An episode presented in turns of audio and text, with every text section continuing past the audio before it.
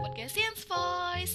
Selamat datang kembali di podcast ini dan episode kali ini kita bakal ngomongin seputar kemampuan berbahasa asing. Sebenarnya apa aja sih yang dirasakan oleh orang-orang yang bisa berbahasa asing? Terus pengaruhnya sama kita yang tinggal di Indonesia itu apa? Gimana efeknya buat pekerjaan kita? Sampai dengan gimana sih sekitar kita menanggapi kefasihan bahasa kita itu? Nah, kebetulan nih, sendiri kan juga menguasai bahasa asing nih. Jadi ya, bolehlah ya kita berbagi sedikit tentang pahit manisnya bisa berbahasa asing. Well, bahasa asing yang dekat banget dengan aku untuk saat ini itu adalah bahasa Mandarin. Perjuangan buat belajar bahasa secara otodidak itu nggak mudah. Dan aku percaya banget buat teman-teman yang khusus belajar bahasa pun pasti nggak gampang. Sebenarnya aku dulu juga nggak suka bahasa Mandarin nih. Tapi karena tuntutan orang tua dan digembleng sedemikian rupa gitu ya. Jadi ya mau nggak mau gitu. Dari yang tadinya nggak suka jadi malah tertantang gitu. Dan oke okay, kita bakal ngomongin perjuangan belajar bahasa ini kapan-kapan gitu ya.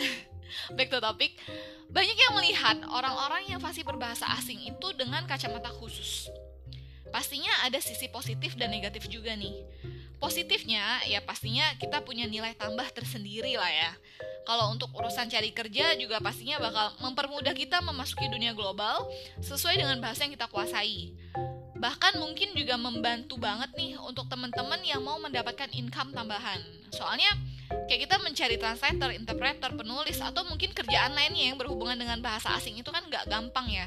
Karena yang bisa bahasa asing nggak banyak, jadi nilainya itu juga masih tinggi banget.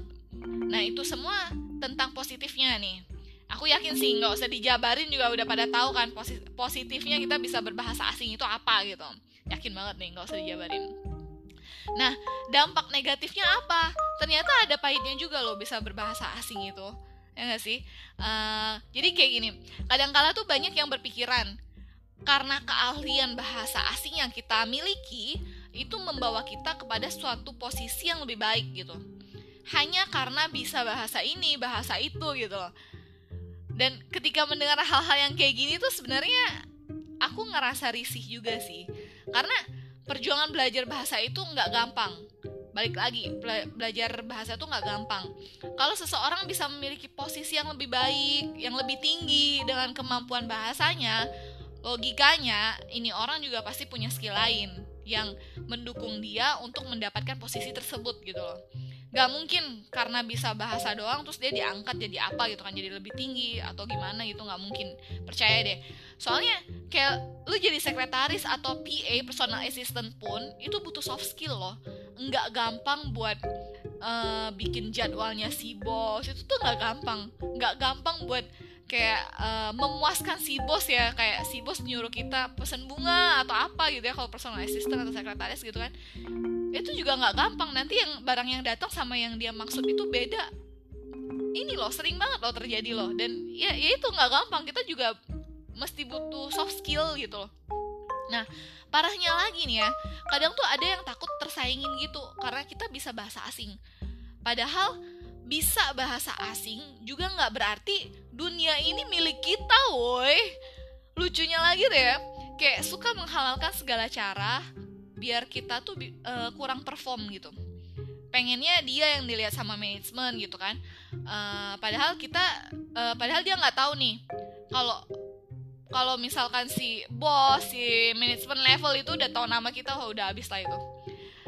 Hidup lo nggak bak bakal nggak tenang bobo lo bakalan nggak pulas gitu kan cuti cuti cuti itu nggak bakal nggak digangguin gitu loh Nah, apalagi kalau ada problem gitu kan, udah habis lah itu. Nah, yang dia lihat itu ya, ya itu cuma enaknya doang gitu. Nggak pernah tuh kayaknya dipikirin gitu kan, e, gimana kita dicecer sama atasan kita, gimana kita dicecer sama expert gitu kan. And somehow kita juga mesti cover dia di depan expert, di depan management level gitu loh. Nggak gampang weh, beneran serius gue nggak gampang. Nah, itu sekilas pahitnya di dunia kerja ya di dunia kerja. Mau bisa atau nggak bisa bahasa asing pun kayaknya rasanya mirip-mirip lah ya kayak sikut-sikutan di dunia kerja itu kan kayak udah biasa banget ya. Dan uh, kalau kalian laki banget itu ya kalian nggak bakal ngerasain itu. Ya semoga nggak ngerasain lah ya. Nah kalau di dunia keseharian gimana sih? Jujur li sering dimanfaatkan sih buat teman-teman yang uh, bisa bahasa asing uh, mungkin kalian juga ngerasain ya. Cuman aku nggak tahu sih kalian uh, kalian menganggap ini sesuatu yang serius atau enggak gitu loh.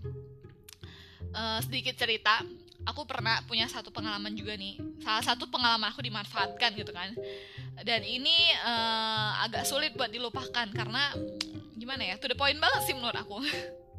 Jadi one day ada acara gathering gitu yang skalanya cukup gede lah cukup besar destinasinya itu waktu itu ke salah satu kota di Indonesia yang dekat banget sama negara tetangga.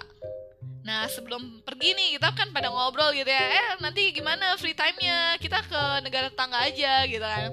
Nah ada satu teman dia bilang gini ke aku, eh nanti kalau ke negara tetangga barengan ya, uh, gue bareng lo aja deh pokoknya. Terus kan aku mikir ya, kayak apa sih kayak bingung, bingung juga kenapa tiba-tiba ngomong kayak gitu gitu loh soalnya kan itu rame. Kalaupun aku nggak pergi kan yang lain kan ada yang pergi ya udah bareng aja gitu loh. Kenapa harus bareng aku banget gitu loh. Dan aku juga belum tahu gitu loh belum mutusin mau pergi apa enggak gitu kan. And then akhirnya aku nanya ke dia emang kenapa mesti barengan? Terus dia jawab iya soalnya kamu bisa Mandarin. Pasti dikira orang sana. Jadi nanti tawar menawar pas belanja lebih gampang Well, dan itu yang ngomong cowok ya.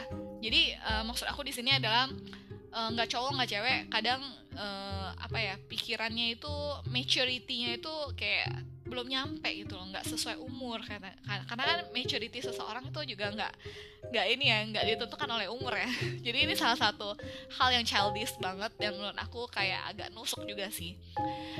Terus setelah mendengar kayak gitu dalam hati nih ya dalam hati tuh langsung langsung kayak apa ya aduh eh mohon maaf ya. Kayak kayak gimana ya? Kayak nggak niat pergi jadinya. Masalahnya yang ngajakin ini kan bisa bahasa Inggris juga nih. Maksudnya ya bahasa Inggris sehari-hari kita tuh bisa lah lu pakai di uh, negara tetangga yang Inggrisnya juga nggak bobrok banget gitu loh. Lu cuap-cuap di sana juga orang masih bisa ngerti gitu loh. Ya maksudnya dalam hati aku gila ya. Jadi interpreter aja tuh dibayar loh dan nggak murah loh dibayar per jam loh. Ini mau bayar gue berapa gitu kan? Nah bukannya sombong atau semuanya ditujukan pada komersil tuh bukan. Cuman kayak apa ya jujur aku sendiri ngerasanya tuh kayak dimanfaatin banget gitu loh. Aku nggak tahu sih teman-teman yang denger ini gimana tanggapannya. Cuman buat aku sih ini adalah salah satu bentuk manfaatin orang gitu loh. Walaupun emang mungkin nggak serius-serius banget gitu kan uh, coba deh buat teman-teman yang belajar bahasa kan. Kita kan bayar ya kalau belajar bahasa ya. Bukan cuma keluar duit loh waktu juga. Masa iya sama teman sendiri itu malah digituin gitu loh. Kalau teman dekat yang udah sohib banget ya kan atau keluarga gitu kan ya nggak perlu lu minta bantuan juga kita bisa langsung bantu gitu kan nah ini tuh temen yang hubungannya tuh kayak bener-bener just friend gitu loh. Bahkan di luar kerjaan aja kita tuh nggak pernah berurusan nggak pernah chat nggak pernah ngobrol. Jarang lah jarang ngobrol gitu. Kebayang nggak sih kalau dia yang bukan siapa-siapa gue yang bukan siapa-siapa aku tiba-tiba ngomongnya kayak gitu memanfaatin banget gitu kan. Kayak how to say ya? Berat sih. Cuman mungkin emang yang case-case kayak gini buat teman-teman mungkin cuman kayak banyak kan bilang mungkin enggak lah itu nggak dimanfaatin atau gimana. But uh, ketika lu di posisi aku ketika kamu di posisi aku ketika kamu di posisi yang kamu bisa bahasa asing dan ada orang yang kayak gitu kayak apa ya aku nggak tahu sih kamu bakal ngerasain hal yang sama apa enggak. Cuman well aku ngerasa itu adalah memanfaatkan orang banget gitu loh. Walaupun enggak yang ngerongrong duitnya gitu kan tapi salah satu bentuk memanfaatin orang gitu loh. Memberikan dampak negatif sih menurut aku. Nah uh, kalau ditanya nih tinggal di Indo emang ngefek ya bisa bahasa asing? Ya jawabannya sih ngefek banget ya apalagi buat temen-temen yang tinggal di eh, kota-kota uh, gede terutama Jakarta gitu kan kita kan udah memasuki era globalisasi soalnya. Nah dan kita juga kan hidupnya nggak cuma di Indo aja kan. Bisa aja kita traveling ke negara lain dan kamu bisa bahasanya kan itu lebih lebih memudahkan kan. Kayak kayak tadi mungkin aja dianggap orang lokal gitu kan. Nah tapi di samping itu jujur sih itu juga kebanggaan tersendiri kalau kita bisa bahasa asing. Dikala warga negara asing bisa memberikan kepercayaan kepada kita, itu rasanya beda sih. Apalagi uh, sebagai warga negara Indonesia nih, kita bisa nunjukin sih sebenarnya orang Indonesia itu banyak bakatnya, passionnya banyak gitu kan. Kita bisa stand up di kancah internasional, pastikan WOW banget ya. Nah, itu sih yang apa ya efeknya ketika kita tinggal di Indo ya ketika kita kayak apa ya kita lebih gampang memasukin uh, dunia global gitu sih. Well itu sekilas tentang pahit manisnya bisa berbahasa asing. Semoga negatifnya nggak bikin kamu takut untuk belajar bahasa asing. Semoga justru malah tertantang. Buat kamu-kamu yang nggak bisa bahasa asing please jangan melihat orang yang bisa bahasa asing itu sekadar bisa bahasa karena ada perjuangan di dalamnya yang kamu mungkin nggak ngerasain kamu nggak bakal ngerasain kecuali kamu mau belajar ya Yolah kita saling menghargai agar dunia ini lebih damai lagi itu dulu untuk episode kali ini. Stay tune terus di podcast Yens Voice dan nantikan episode selanjutnya setiap malam minggu jam 8 malam hanya di Spotify. Bye-bye.